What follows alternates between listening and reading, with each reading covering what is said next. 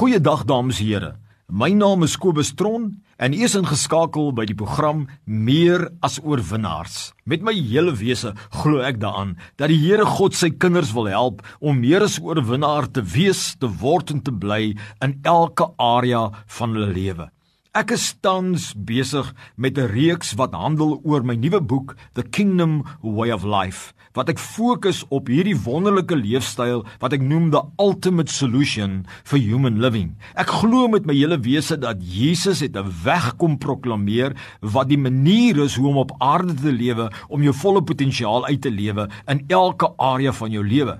En ek het vir julle verduidelik dat die koninkryksleefstyl om te soek eers die koninkryk beteken om eers die Here se wil in elke area van jou lewe te soek te doen met ander woorde te streef om te gehoorsaam maar nie deur jou eie krag deur die Heilige Gees wat in jou woon gebaseer op beginsels En die eerste beginsel wat ek gepraat het in 'n vorige sessie wat Jesus geleer het is die beginsel van liefde. Nou wil ek die tweede beginsel van die 12 hooffondasie beginsels vir jou deel. En dit is die hoofstuk hoofstuk 10 the principle of faith, die beginsel van geloof. Wat ek bedoel by geloof in God. Met ander woorde om toe te pas in jou lewe om aan te hou glo in God se goedheid. Glo in God se wysheid glo in God se woord, sy boodskap, sy lewende woord, glo in God se bonatuurlike krag ten opsigte van jou beroep, jou huwelik, ouerskap, liggaamlik, finansiëel, sosiaal verhouding met God. Nooit sal die Here jou lei om jou skuld van geloof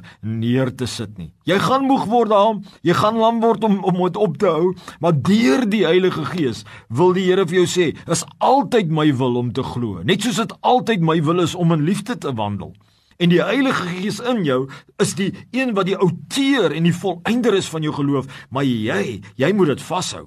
Jy moet aanhou in jou denke en jou hart sê ek vertrou. Ek is oortuig daarvan. Ek bly staan daarop dat God goed is, dat hy my wil help, dat hy wys is dat hy die beste weet, dat sy woord is die waarheid. Hy's die weg, die waarheid en die lewe en dat hy my bonatuurlik wil help om meer as 'n oorwinnaar te wees en te word en te bly in elke area van jou lewe. In Johannes 14 vers 1 het die Here Jesus so mooi gesê, waar hy sê in Engels sê let your heart not be troubled. You believe in God, believe also in me. Hy sê moenie moenie toelaat dat die bekommernisse op jou hart druk nie, maar hou aan glo in God. Hoekom is dit so belangrik dat ons moet aanhou glo? Wat is die lewensverrykende gevolge? Hoekom ons 'n hart moet hê wat nie wegdwaal van 'n lewende God nie, in verval in ongeloof nie? Hoekom? Want die Here weet wat is die lewensverrykende gevolge. En die eerste een is dit: wanneer jy jou denke op God het en jou vertroue is in God diep in jou wese, want niemand kan sien nie, sal die eerste komponent, die vrug, sal geopenbaar word en dit is jy gaan vrede hê. En jy gaan 'n groter hoop hê en jy gaan met 'n met ander jy gaan met 'n verwagting, 'n positiewe verwagting loop, want hierdie God wat so groot en magtig is, is aan jou kant. Maar wanneer jy jou skuld van geloof neersit, jy wyk af van hierdie beginsel, dan verloor jy jou vrede en jy kom in 'n plek waar jy hoop uh, in 'n hopelooslikheid verval as ek dit so mag noem. En dan gaan dit oor na depressiwiteit en waar jy jou blydskap verloor. Geloof in God is 'n geweldige belangrike wapen vir die lewe in elke area van jou lewe ook wil die Here vir jou sê dat wanneer jy geloof het, dan sal jy aanhou wil gemeenskap hê met God. En wanneer jy gemeenskap het met God, dan gee die Here jou krag en hy gee vir jou wysheid. Maar wanneer jy jou skuld van geloof neersit, gaan jy nie met God wil gemeenskap hê nie. En dan gaan hy sny jou af van jou van die kragbron wat God vir jou wil gee, die wysheid wat God wil gee, die bonatuurlike hulp wat God vir jou wil gee. So daarom wil die Here hou jou skuld van geloof op. Ook wanneer jy jou skuld van geloof op het, gaan jy aanhou verwag God se hulp en jy gaan aanhou verwag dat God met jou gaan praat en jy gaan jou hart oopstel om van God te hoor. Maar wanneer jy 'n ongelowige hart het, dan maak jy jou hart toe en jy dink nie meer dat God kan help nie en jy hou op om te luister na sy stem. Daarom is dit so belangrik, my liewe vriend, dat jy altyd jou skuld van geloof ophou.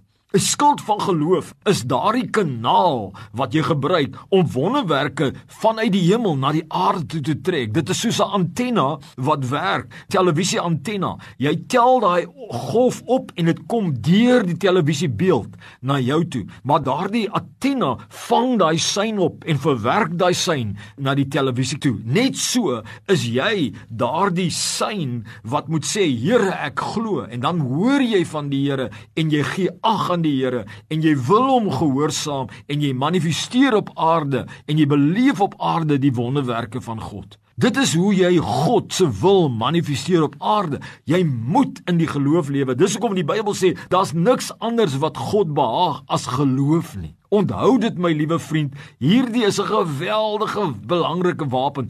Tel op jou skuld van geloof in God en dan gaan daar vrede wees en hoop. En dan gaan jy wil gemeenskap hê met die Here en jy gaan verwag God se hulp en jy gaan hoor God se stem. Jy gaan hoor God se boodskap en jy kan gaan wonderwerke saam met God aktiveer in jou lewe en jy gaan manifesteer die wil van die Here op aarde.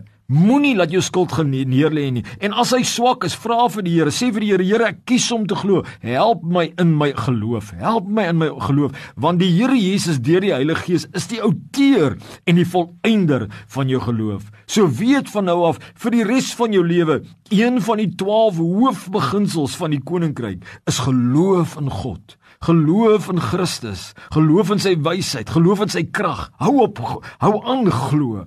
Moenie ophou om te glo nie.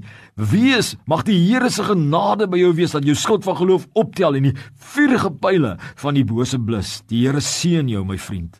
Amen.